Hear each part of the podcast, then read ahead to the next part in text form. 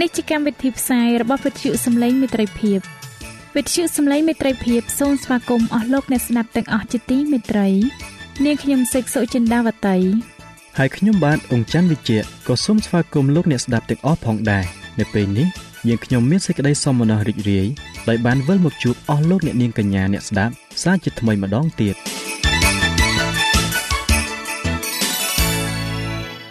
នាងខ្ញុំសេកសុចិន្តាវតី សូមជម្រាបជូនកម្មវិធីផ្សាយដែលមានជាបន្តបន្ទាប់ដូចតទៅនេតិបទទំនាយនិងប្រវត្តិសាស្ត្រនេតិស្ថាបនាកម្ពុជាឲ្យប្រសើរចា៎លោកអ្នកស្ដាប់ជាទីមេត្រី នាងខ្ញុំសូមគោរពអញ្ជើញអស់លោកលោកស្រី អ្នកនាងកញ្ញាតាមដានស្ដាប់កម្មវិធីផ្សាយរបស់វិទ្យុយើងខ្ញុំដូចតទៅ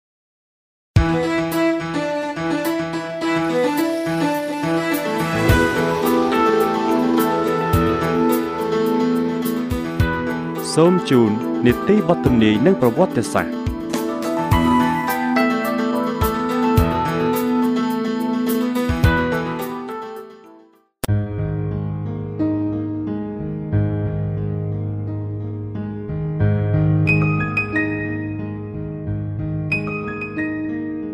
ចា៎នាងខ្ញុំសូមជម្រាបសួរអស់លោកលោកស្រី និងប្រិយមិត្តអ្នកស្ដាប់វិទ្យុសំឡេងមេត្រីភាពជាទីមេត្រី នៅក្នុងនេតិបទទំនាយនិងប្រវត្តិសាស្ត្រនៅថ្ងៃនេះលោកអ្នកនឹងបានស្ដាប់ជាបន្តទៅទៀតពីលោក Martin Luther ក្រោយពីលោកបាត់ខ្លួនមួយរយៈកន្លងមក នៅក្នុងជំពូកទី10ទាំងមូលនេះលោកអ្នកនឹងបានស្ដាប់ពីផលផ្លែនៃកិច្ចការរបស់លោក ពីអធិពលនៃព្រះបន្ទូល និងពីការងារមួយចំនួនទៀតដែលលោកបានធ្វើនៅក្នុងជំពូកនេះពិសេសជាការងារក្នុងការបង្រៀនសេចក្តីពិតពីព្រះបន្ទូល ដែលពួកវិហារកាតូលិកតែងតែចាត់ទុកថា ជាការបង្រៀនខុសឆ្គងទៅវិញដូច្នេះទំនាស់រវាងពន្លឺនិងសេចក្តីងងឹតសេចក្តីពិតនិងសេចក្តីខ្លាំងក្លាយពិតជាជៀសមិនផុតឡើយចា៎ដូច្នេះសូមលោកអ្នកតាមដានស្ដាប់ចំពុកទី10ភាគទី1ដែលនឹងជម្រាបជូនដល់លោកអនយ៉ារិតដូចតទៅខ្ញុំបាទសូមជម្រាបសួរសូមឲ្យអស់លោកអ្នកបានប្រកបដោយព្រះគុណ ពីព្រះបបិតានិងពីព្រះអម្ចាស់យេស៊ូវគ្រីស្ទនៅក្នុងការតាមដានស្ដាប់មេរៀននេះ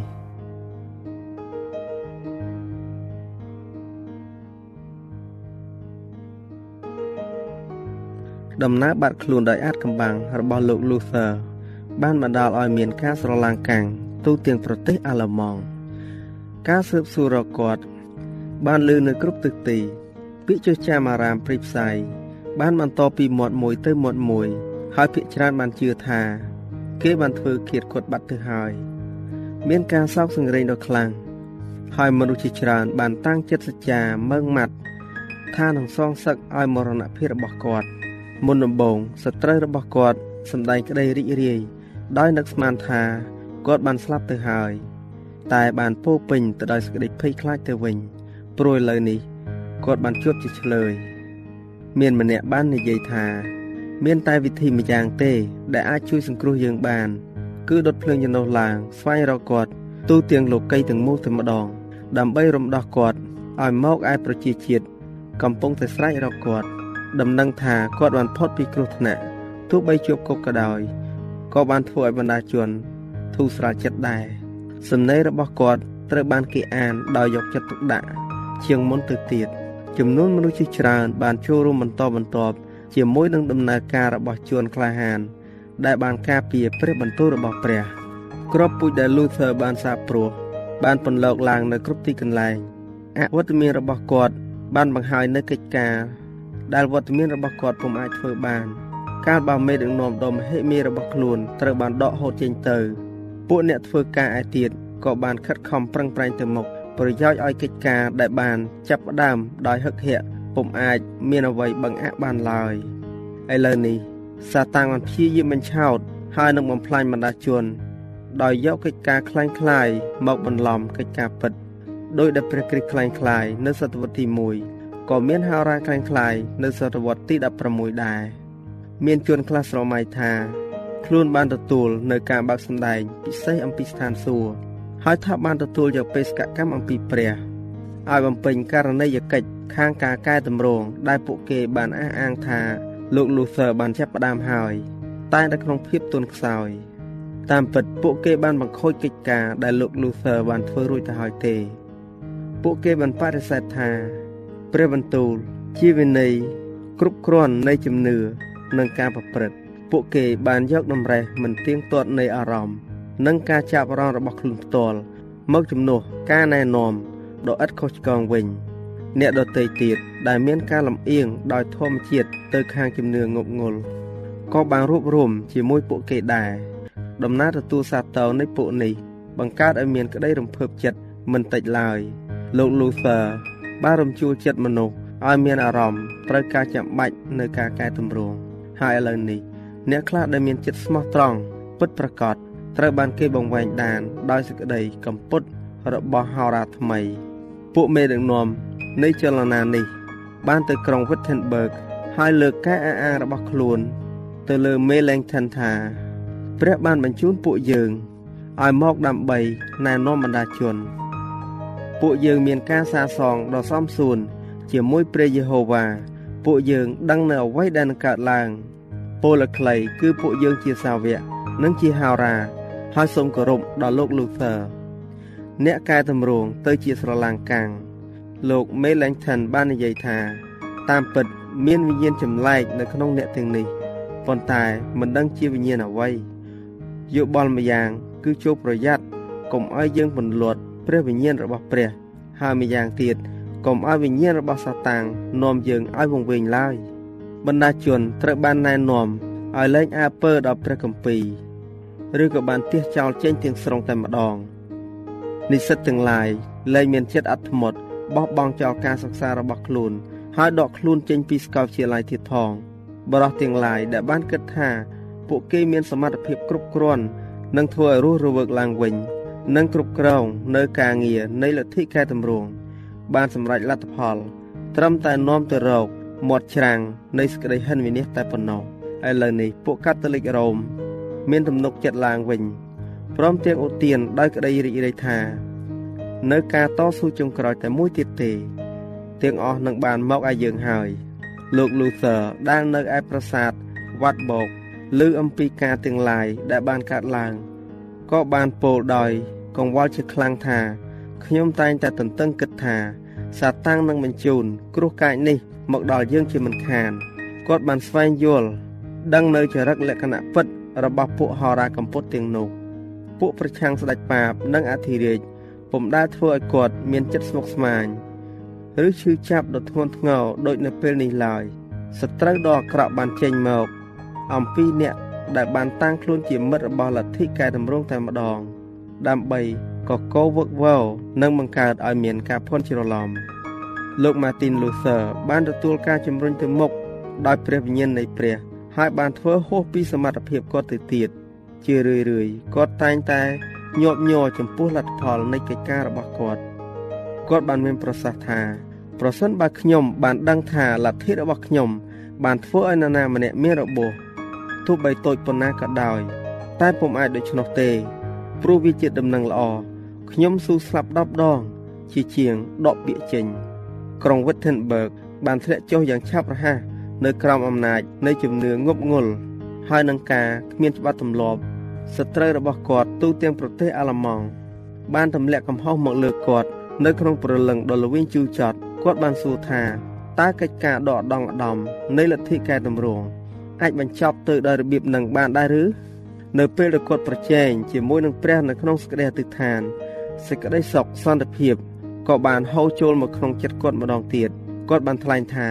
កិច្ចការនេះពុំមែនជារបស់ទូលបង្គំទេ គឺរបស់ព្រះអង្គផ្ទាល់វិញប៉ុន្តែ គាត់បានតាំងចិត្តថា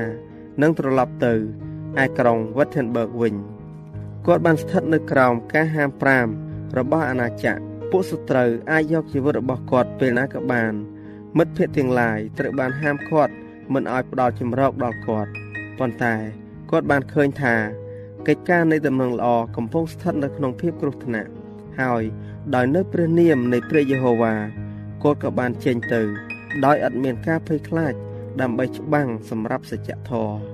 នៅក្នុងលិខិតរបស់គាត់ចំពោះស្ដេច Frederick លោក Luther បាននិយាយថាខ្ញុំបានចេញទៅឯក្រុង Wittenberg គឺស្ថិតនៅក្រោមការការពារដ៏ខ្ពស់ជាង របស់ពួកក្សត្រនិងពួកអធិរាជទៀតផងខ្ញុំពុំគិតថានឹងអំពាវនាវសូមនៅការគ្រប់គ្រងពីព្រះអង្គទេ ហើយជាជាងចង់បានសេចក្តីការពាររបស់ព្រះអង្គខ្ញុំនឹងការពារព្រះអង្គ ដោយខ្លួនខ្ញុំផ្ទាល់វិញពុំមានដាវដើម្បីឲ្យបុព្វហេតុនេះ បានចម្រើនទេ មានតែព្រះបន្ទូលរបស់ព្រះអង្គមួយប៉ុណ្ណោះដែលត្រូវធ្វើគ្រប់ទាំងអស់នៅក្នុងលិខិតទី2លោក Luther បានបន្ថែមថាខ្ញុំរួចរាល់នឹងទទួលសេចក្តីមិនសប្បុរសតីរបស់ព្រះអង្គនិងកំហឹងរបស់លោកីទាំងមូលហើយតើបណ្ដាជួន Wittenberg ពុំមែនជាកូនជៀមរបស់ខ្ញុំទេឬអីប្រសិនបើចាំបាច់ តើខ្ញុំមិនគួរបញ្ចេញខ្លួនទៅស្លាប់ដើម្បីពួកគេទេឬមិនយូរប៉ុន្មានក៏បានលើសូទូទាំងទីក្រុង Wittenberg ថាលោក Luther បានត្រឡប់មកវិញហើយនឹងត្រូវឡើងអធិប្បាយផង វិហារបានពេញហោហៀដោយបញ្ញាវៀងវៃនិងភាពស្រទន់គាត់បានណែនាំហើយនឹងកែតម្រង់ពួកគេថាព្រះបន្ទូលទ្រង់ជាអ្នកធ្វើពុំមែនយើងទេ យើងរាល់គ្នាមានសិទ្ធិនឹងនិយាយស្ដី យើងពុំមានសិទ្ធិនឹងធ្វើទេចូលយើងអធិប្បាយក្រៅពីនេះជារបស់ផងព្រះប្រសិនបើខ្ញុំត្រូវប្រើកម្លាំងបង្ខិតបង្ខំវិញតើខ្ញុំត្រូវបានចំណេញអ្វីព្រះអង្គដាក់ប្រហោះលើចិត្តកាលណាយកចិត្តបានហើយទាំងអស់គ្នាក៏បានឈ្នះដែរគាត់បានមានប្រសាសន៍ទៀតថាខ្ញុំនឹងអធិប្បាយពិភាក្សាហើយនឹងសរសេរប៉ុន្តែខ្ញុំនឹងមិនបង្ខិតបង្ខំនរណាម្នាក់ឡើយព្រោះជំនឿជាអំពើស្ម័គ្រចិត្ត ខ្ញុំបានក្រោកឡើងប្រឆាំងនឹងបាបប្រឆាំងនឹងច្បាប់អនុញ្ញាតឲ្យប្រព្រឹត្តអំពើបាប ហើយនឹងប្រឆាំងនឹងពួកបរិស័ទរបស់បាបប៉ុន្តែប្រឆាំងដោយឥតមានហិង្សាឬការច្របោកច្របល់ឡើយខ្ញុំបានប្រើព្រះបន្ទូលព្រះខ្ញុំអធិប្បាយហើយនឹងសរសេរទាំងអស់នេះដែលខ្ញុំបានធ្វើនៅពេលដែលខ្ញុំកំពុងតែដេកលក់ព្រះបន្ទូលដែលខ្ញុំបានអធិប្បាយនោះ បានផ្ដួលរលំលទ្ធិកាតូលិករ៉ូមនិយមម្ល៉េះហើយ ទាំងស្ដេចនិងអធិរាជពុំបានធ្វើមានគ្រោះថ្នាក់ច្រើនឡើយតែខ្ញុំពុំបានធ្វើទាំងអស់ទេ គឺព្រះបន្ទូលរបស់ព្រះទេ ដែលធ្វើទាំងអស់នោះព្រះបន្ទូលព្រះបានបំបែកអំពើអំពាន់នៃការរំជើបរំជួលដ៏ងប់ងល់ហើយ ដំណឹងល្អបាននាំមកវិញ នៅជួនដែលត្រូវបាន គេនាំឲ្យយល់ខុសចូលរកផ្លូវនៃសេចក្តីពិតវិញប៉ុន្មានឆ្នាំក្រោយមកជំនឿងប់ងល់ក៏បានផ្ទុះឡើង ដោយមានលទ្ធិដ៏អាក្រក់អាក្រៃលោក Luther បាននិយាយថា ចំពោះពួកគេបទកម្ពីបរិសុទ្ធគ្រាន់តែជាសម្បត្តិគ្មានវិញ្ញាណតែប៉ុណ្ណោះហើយគេទាំងអស់គ្នា ចាប់ផ្ដើមស្រែកឡើងថាព្រះវិញ្ញាណព្រះវិញ្ញាណប៉ុន្តែខ្ញុំប្រកាសជា មិនទៅតាមកន្លែងណា ដែលវិញ្ញាណរបស់គេ ដឹកនាំពួកគេឡើយលោក Thomas Moser អ្នកជឿងប់ងល់យ៉ាងសកម្មបំផុតម្នាក់ជាអ្នកមានសមត្ថភាពបំផុត ប៉ុន្តែគាត់ពុំបានរៀនអំពីសាសនាពិតទេគាត់មានចិត្តប្រាថ្នាចង់កែតម្រង់លោកីហើយបានភ្លេចដោយជាពួកអ្នកមានចិត្តសាទរទាំងឡាយដែរថាការកែតម្រង់គួរតែចាប់ផ្ដើមឡើង ជាមួយខ្លួនគាត់ជាមុន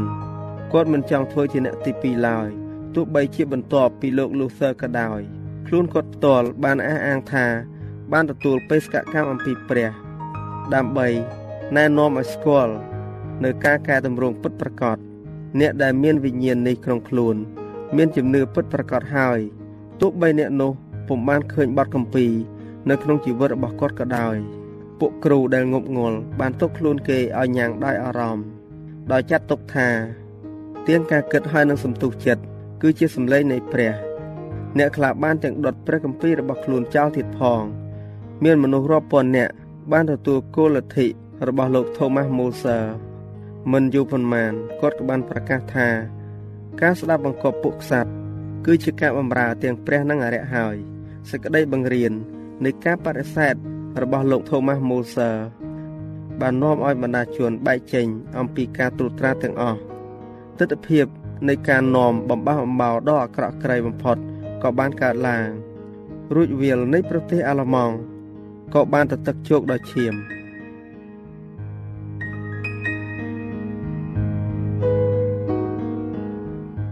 ចា៎ដោយពេលវេលាមានកំណត់យើងខ្ញុំសូមអនុទីបទទំនាយនិងប្រវត្តិសាស្ត្រត្រឹមតែប៉ុណ្ណឹងសិនចុះដោយសន្យាថានឹងលើកយកនេតិនេះមកជម្រាបជូនជាបន្តទៀតនៅថ្ងៃអង្គារសប្តាហ៍ក្រោយ សូមអរគុណ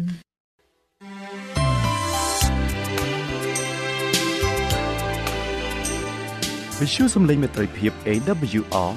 ជាវិទ្យុដែលនាំមកពី ក្នុងការនាំព្រះរាជសាររបស់ព្រះជាម្ចាស់សម្រាប់លោកអ្នក។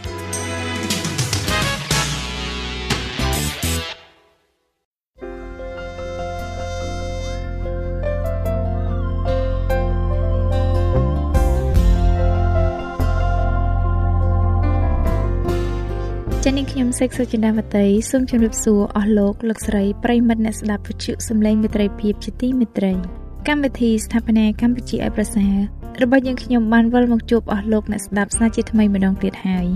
កាលពីមេរៀនទី5លោកអ្នកបានជ្រាបយ៉ាងច្បាស់អំពីលុយកាក់បើលោកអ្នកចង់ស្ដាប់កម្មវិធីនេះម្ដងទៀតលោកអ្នកគ្រាន់តែចូលទៅកាន់ website របស់វិទ្យុយើងខ្ញុំតាមរយៈអាស័យដ្ឋាន www www.awr.org ចា៎នៅថ្ងៃនេះនាងខ្ញុំសូមលើកយកមេរៀនទី6ដែលមានចំណងជើងថា ការផ្សះផ្សាគ្នា ប្រិយមិត្តអ្នកស្ដាប់ជាទីមេត្រីតើការផ្សះផ្សាមានន័យយ៉ាងដូចម្ដេចពាក្យថាការផ្សះផ្សាមានន័យថាការសម្រុះសម្រួល ដំណើរស្រស់ស្រួលគ្នាឬការបញ្ចប់រាល់ការខ្វែងគំនិតគ្នារួចការចាប់ដើមនៃទំនាក់ទំនងល្អឡើងវិញក្រៅពីមនុស្សពីរនាក់ឬពីរក្រុមមានការបែកបាក់ឬឆ្លោះគ្នាមកព្រះយេស៊ូវមានបន្ទូលក្នុងព្រះគម្ពីរម៉ាថាយចំពុក5ខ9ថា មានពើហើយអស់អ្នកដែលផ្សះផ្សាគេត្បិតអ្នកទាំងនោះ នឹងបានហៅថាជាកូនរបស់ព្រះ ចំណែកអ្នកដែលបំបាយបំបាក់គេព្រះបានមានបន្ទូលនៅក្នុងព្រះគម្ពីរទីតូចំពុក3ខ10ដល់ខ11ថាចំពោះអ្នកដែលបង្កឲ្យមានការបែកបាក់គ្នាត្រូវប្រមានគេមួយលើកជាពីរលើក ហើយបណ្ដេញគេឲ្យចេញទៅដែលដឹងថាជនប្រភេទនេះជាមនុស្សខូចគេប្រព្រឹត្តអំពើបាបនិងដាក់ទោសខ្លួនឯងព្រះគម្ពីរម៉ាថាយចំពុក5ខ38ដល់ខ39បានចែងថា អ្នកធ្លាប់ឮពាក្យនិយាយថាបើគេវាយភ្នែករបស់អ្នកម្ខាងខ្វាក់នោះអ្នកត្រូវតែសងឲ្យខ្វាក់ម្ខាងវិញបើគេវាយអ្នកបាក់ធ្មេញមួយនោះត្រូវតែវាយគេឲ្យបាក់ធ្មេញមួយវិញដែរប៉ុន្តែខ្ញុំប្រាប់អ្នកជាប្រកាសថាកុំឲ្យតតាំងនឹងមនុស្សអាក្រក់ឡើយបើអ្នកណាតេះកំភ្លៀងស្ដាំអ្នកនៅចូលបានកំភ្លៀងឆ្វេងឲ្យទៅទៀតនឹងព្រះគម្ពីរម៉ាថាយចំពុក5ខ43ដល់ខ44បានចែងថាអ្នកធ្លាប់បានឮនិយាយមកថា ចូលស្រឡាញ់ដល់អ្នកចិត្តខាងខ្លួន ហើយស្អប់ដល់សត្រូវរបស់ខ្លួនចុះប៉ុន្តែព្រះយេស៊ូវបានប្រាប់អ្នកថាចូលស្រឡាញ់ខ្មាំងសត្រូវរបស់អ្នកហើយសូមពរឲ្យអ្នកណាដែលប្រតិចផ្ដាសាដល់អ្នកវិញចូលធ្វើល្អដល់អ្នកណាដែលស្អប់អ្នកហើយចូលអធិដ្ឋានឲ្យដល់អ្នកណាដែលបៀតបៀនដល់អ្នកដែរពួកមនុស្សអាក្រក់បានកាត់ទោសប្រហារជីវិតដល់ព្រះយេស៊ូវដែលជាព្រះរាជបុត្រាតែមួយគត់ដែលបរិសុទ្ធឥតខ្ចោះនៅលើโลกនេះ ពួកគេបានសាយចំអឲ្យត្រង់វេតបត្រង់ហើយបោះត្រង់ភ្ជាប់នៅនឹងឈើឆ្កាងដោយដៃគោលប៉ុន្តែនៅពេលដែលពួកគេកំពុងតែធ្វើទរណកម្មដល់ត្រង់ព្រះអង្គបានលើសេចក្តីអធិដ្ឋានដ៏អស្ចារ្យថាអោព្រះជាម្ចាស់អើយសូមអត់ឱនទោសឲ្យពួកទាំងនេះផងព្រោះគេមិនដឹងថាគេកំពុងធ្វើអ្វីទេពីលើឈើឆ្កាងព្រះយេស៊ូវបានកម្ចាត់ចោលនៅច្បាប់នៃការសងសឹកដ៏មិនចេះចប់មិនចេះហើយ ហើយនឹងប្រទានច្បាប់មួយដ៏ប្រពៃដល់យើង គឺជាច្បាប់ថាត្រូវអត់ឱនទោសដែលជាច្បាប់នៃជីវិតឥឡូវនេះសូមលោកអ្នកតាមដានស្ដាប់រឿងព្រេងខ្លីមួយ ពីការប្រកួតប្រជែងគ្នារវាងប្រពាយហៅថាខ្យល់និងព្រះអាទិត្យហៅថាថ្ងៃកាលពីព្រេងនាយព្រះពាយនិងព្រះអាទិត្យបានប្រកួតប្រជែងគ្នាដើម្បីចង់ដឹងថាតើមួយណាមានឥទ្ធិពលជាង នៅពេលដែលពួកគេឃើញមនុស្សម្នាក់ដើរមកតាមផ្លូវ ចលនឹងព្រះអាទិត្យក៏ភ្នាល់គ្នាថា អ្នកណាអាចធ្វើឲ្យបរោះនោះដោះអាវបាន អ្នកនោះជាអ្នកឈ្នះ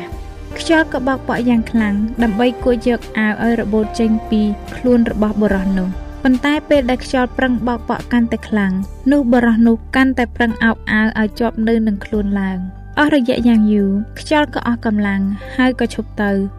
រួចមកព្រះអាទិត្យចេញមកម្ដង ហើយបានបញ្ចេញកម្ដៅខ្លួនដ៏ស្រទន់ មួយស្របក់ខ្លីប៉ុណ្ណោះបរោះនោះក៏ដោះអាវនោះចេញដោយខ្លួនឯង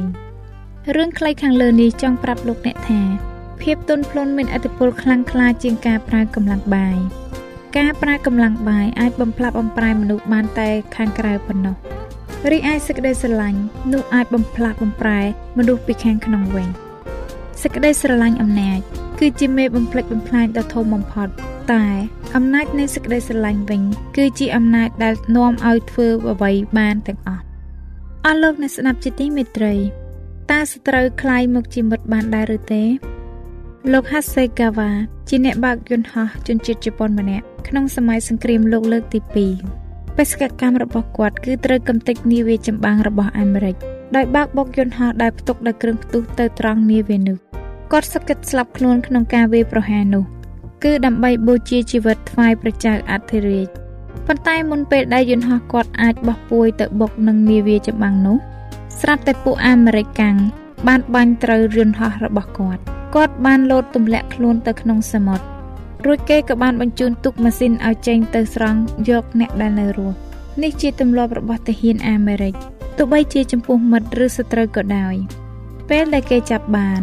លោក Hasegawa ចង់សម្លាប់ខ្លួនមុនពេលដែលអាមេរិកកាំងសម្លាប់គាត់ប៉ុន្តែពួកអាមេរិកកាំងមិនបានសម្លាប់គាត់ទេផ្ទុយទៅវិញ គេបានបញ្ជូនគាត់ទៅកាន់ជំរំដាក់ឆ្លើយសឹកមួយ នៅឯកោះហាវ៉ៃលោកអ្នកស្ដាប់ជាទីមេត្រីកោះហាវ៉ៃគឺជាជួរកោះដាច់ស្រយាលបំផុតនៅក្នុងពិភពលោកប្រជុំកោះហាវ៉ៃមានទីតាំងស្ថិតនៅកណ្ដាលមហាសមុទ្រ Pacific ដែលមានចម្ងាយ2850គីឡូម៉ែត្រ ស្មើនឹង2390ម៉ាលពីកាលីហ្វ័រញ៉ានិង6195គីឡូម៉ែត្រស្មើនឹង3850ម៉ាលពីប្រទេសជប៉ុនបច្ចុប្បន្នកោះហាវ៉ៃបានក្លាយទៅជារដ្ឋថ្មីបំផុតទី50របស់សហរដ្ឋអាមេរិកដែលកើតឡើងពីប្រជុំកោះឯទៀតជាច្រើនហាសេហ្គាវ៉ាមានសេចក្តីអំណរអគុណយ៉ាងខ្លាំងដែលគេទុកជីវិតឲ្យគាត់បានរស់ពេលចម្បាំងចប់ គាត់បានវិលត្រឡប់ទៅកាន់ប្រទេសជប៉ុនវិញ ហើយក៏បានធ្វើរបរជំនួញសប្តាហ៍ថ្ងៃនេះគាត់ជាប្រធាននៃក្រុមហ៊ុនក្រដាស់ដ៏ធំមួយ50ឆ្នាំក្រោយពេលសង្គ្រាម Hasegawa បានធ្វើដំណើរមកកាន់សហរដ្ឋអាមេរិកដើម្បីស្វែងរកមនុស្សដែលបានបាញ់យន្តហោះគាត់ធ្លាក់ហើយបានស្រង់គាត់ឡើងពីទឹកគាត់ក៏បានរកអ្នកនោះឃើញស្ត្រីចាស់បានអោបគ្នាហើយបានបដូររបស់អនុស្សាវរីយ៍ទាំងយំដោយក្តីរំភើប អាមេរិកកាំងម្នាក់បានមានប្រសាសន៍ថាខ្ញុំមានជំនឿថា យើងត្រូវតែអត់ឱនទោសឲ្យដល់សត្រូវរបស់យើងហាសេហ្គាវ៉ាមានប្រសាសន៍ថាសត្រូវរបស់យើងពីថ្ងៃមុនអាចក្លាយជាមិត្តវិញនៅថ្ងៃនេះទ្រឹស្ដីមួយបានសរសេរថាមានមធ្យោបាយដែលប្រសើរជាងគេបំផុត ដើម្បីបំបត្តិសត្រូវរបស់អ្នកគឺយកគេធ្វើជាមិត្តអ្នកវិញទ្រឹស្ដីនេះពិតជាត្រឹមត្រូវណាស់បើពិភពលោកទាំងមូលព្រមអនុវត្តតាម នោះពិភពលោករបស់យើងនឹងមិនមានសង្គ្រាមបង្ហូរឈាមគ្នាទេ មានច្បាប់មួយនៃរូបវិទ្យាចែងថាគ្រប់ទាំងចលនាតែងមាននៅប្រតិកម្មស្មើគ្នានិងផ្ទុយគ្នា ជាឧទាហរណ៍ប្រសិនបើអ្នករុញអ្វីមួយនោះវាអាចរុញត្រឡប់មកលើអ្នកវិញប្រសិនបើអ្នកផ្អែកទៅលើជញ្ជាំងនោះជញ្ជាំងរុញទប់អ្នកវិញមិនឲ្យអ្នកធ្លាក់ចុះក្រោមនេះជាច្បាប់ទី3ដែលបានរកឃើញដោយលោកអ៊ីសាក់ញូតន រីឯច្បាប់នៃការសងសឹកវិញចែងថា ក្នុងគ្រប់ទាំងភាពខុសខើណាមួយក៏តែងតែមានសំណងនៅភាពខុសខើមួយដែលស្មើគ្នានិងផ្ទុយគ្នាដែរការសងសឹកមិនដែលអាចដោះស្រាយបញ្ហាអ្វីបានឡើយគឺគ្រាន់តែជាការចាប់ផ្ដើមនៃការសងសឹកវិលចុះឡើងមិនចេះចប់មិនចេះហើយប៉ុណ្ណោះរីឯលោកមហាធម្មគុន្ធី បានមានប្រសាសន៍ថាបើមនុស្សរាល់រូបប្រកាន់យកតែការសងសឹកគ្នា ភ្នែកឲ្យធួននឹងភ្នែកយកមកធ្វើជាគោលការណ៍យុត្តិធម៌នោះមនុស្សលោកទាំងអស់នឹងទៅជាអ្នកខ្វាក់ភ្នែកគ្រប់គ្នា អ្នកដែលកាប់សម្លាប់គេ ដើម្បីឲ្យបានសម្រេចតាមការសង្សឹករបស់ខ្លួន អ្នកនោះត្រូវរស់នៅដោយការភ័យខ្លាចក្រែងលោមានសត្រូវរបស់ខ្លួនដែលនៅរស់នឹងមកសងសឹកដល់ខ្លួនវិញដូច្នេះអ្នកដែលបានប្រព្រឹត្តអំពើខុសខើនោះត្រូវតែសារភាពកំហុសដែលខ្លួនបានប្រព្រឹត្តដល់អ្នករងគ្រោះ ហើយអ្នកទាំងនោះត្រូវតែចំណាយពេលវេលារបស់ខ្លួនអស់មួយជីវិត ធ្វើរាល់កិច្ចការដើម្បីជួយដល់អ្នករងគ្រោះនិងគ្រួសាររបស់គេ ការអត់ឱនទោសគឺជាមធ្យោបាយតែមួយគត់ដែលអាចបញ្ចប់នៅការសងសឹកដែលមិនចេះចប់នោះជាបន្តទៅទៀតសូមលោកអ្នកស្ដាប់ពីពួកកុលសម្ព័ន្ធធ្វើឲ្យមានសន្តិភាពវិញម្ដងនៅប្រទេសប៉ាពូញូហ្គីនីកូនប្រុសរបស់មេក្រុមម្នាក់ បានផឹកស្រាស្រវឹងហើយបានបើកឡានទៅបុកស្ត្រីម្នាក់និងកូនពីរនាក់ទៀតនៅក្នុងកុលសម្ព័ន្ធចិត្តខាងខ្លួនស្លាប់ញាតិសន្តាននៃស្ត្រីដែលស្លាប់នោះបានធ្វើការសងសឹកដោយសម្លាប់មនុស្ស3នាក់ក្នុងពួករបស់មេក្រុមនោះអស់រយៈពេល4ឆ្នាំពួកកុលសម្ព័ន្ធទាំងនោះកាប់សម្លាប់គ្នារហូតដល់ស្លាប់អស់40នាក់មានមនុស្សខ្លះក្នុងពួកកុលសម្ព័ន្ធទាំងពីរនោះចង់បានសន្តិភាពបានជាគេធ្វើគម្រោងការមួយ លើកក្រោយពេលមានការវេប្រហារគ្នា ពួកអ្នកសាងសន្តិភាពនាំគ្នាចេញទៅច្រៀងពួកអ្នកច្បាំងគ្នាផ្អៀងត្រចៀកស្ដាប់ម្នាក់ច្រៀងថាបងប្អូនអើយចូលលមមឈប់បង្ហូរឈាមគ្នាទៅតើអ្នកប្រំដាក់អាវុធចុះហើយជួបជុំគ្នាក្នុងពិធីជប់លៀងដើម្បីសន្តិភាពបានទេ ពេលនោះមានការស្ងប់ស្ងាត់យ៉ាងយូររួចមកមេក្រុមនៃកុលសម្ព័ន្ធមួយ បានក្រោកចេញមក ហើយមេក្រុមនៃកុលសម្ព័ន្ធមួយទៀតក៏ធ្វើតាម មនុស្សទាំងពីរបានចាប់ដៃគ្នា ស្ត្រីស្រីបាននាំគ្នាលើកអាហារដែលគេបានរៀបចំបំរុងទុក ហើយពួកកុលសម្ព័ន្ធទាំងពីរក៏បានទទួលទានអាហារជប់លៀងជុំគ្នាពី3សប្តាហ៍ក្រោយមកពួកកុលសម្ព័ន្ធទាំងពីរបានជួបជុំនៅត្រង់កន្លែងចំណុចដែលស្ត្រីនិងកូនក្មេងទាំងពីរបានស្លាប់ពេលនោះគេនាំគ្នារៀនអំពីសេចក្តីស្រឡាញ់និងការអត់ឱនទោសគ្នាទៅវិញទៅមកឥឡូវនេះ គេទាំងអស់គ្នាមានសន្តិភាព អស់លោកលោកស្រីអ្នកនាងកញ្ញាអ្នកស្ដាប់វិទ្យុសំឡេងមេត្រីភាពជាទីមេត្រីដោយសារពេលវេលាមានកំណត់នាងខ្ញុំសេកសុចិនាវតីសូមជម្រាបលាអស់លោកអ្នកស្ដាប់ត្រឹមតែប៉ុណ្ណេះសិនចុះដោយសន្យាថានឹងលើកយកភាគទី2នៃមេរៀននេះនាងខ្ញុំនឹងជម្រាបជូនពីផលនៃសំអប់វិញម្ដងថាតើផលនៃសំអប់បានផ្ដល់ផលអ្វីខ្លះដល់អ្នកដែលចេះតែស្អប់ហើយមិនចេះអត់អោនទោសនោះសូមលោកអ្នករងចាំស្ដាប់កំបីខកខានឡើយ ហើយលោកអ្នកក៏អាចស្ដាប់កម្មវិធីនេះម្ដងទៀតដោយចូលទៅកាន់ website របស់វិទ្យុយើងខ្ញុំដែលនាងខ្ញុំបានជម្រាបជូនខាងលើម្ដងរួចមកហើយសូមឲ្យព្រះអង្គម្ចាស់យេស៊ូវគ្រីស្ទទ្រង់បានសេរីល្អនិងសូមឲ្យលោកអ្នកបានប្រកបដោយព្រះគុណដរាបអកលជានិច្ចអាមែន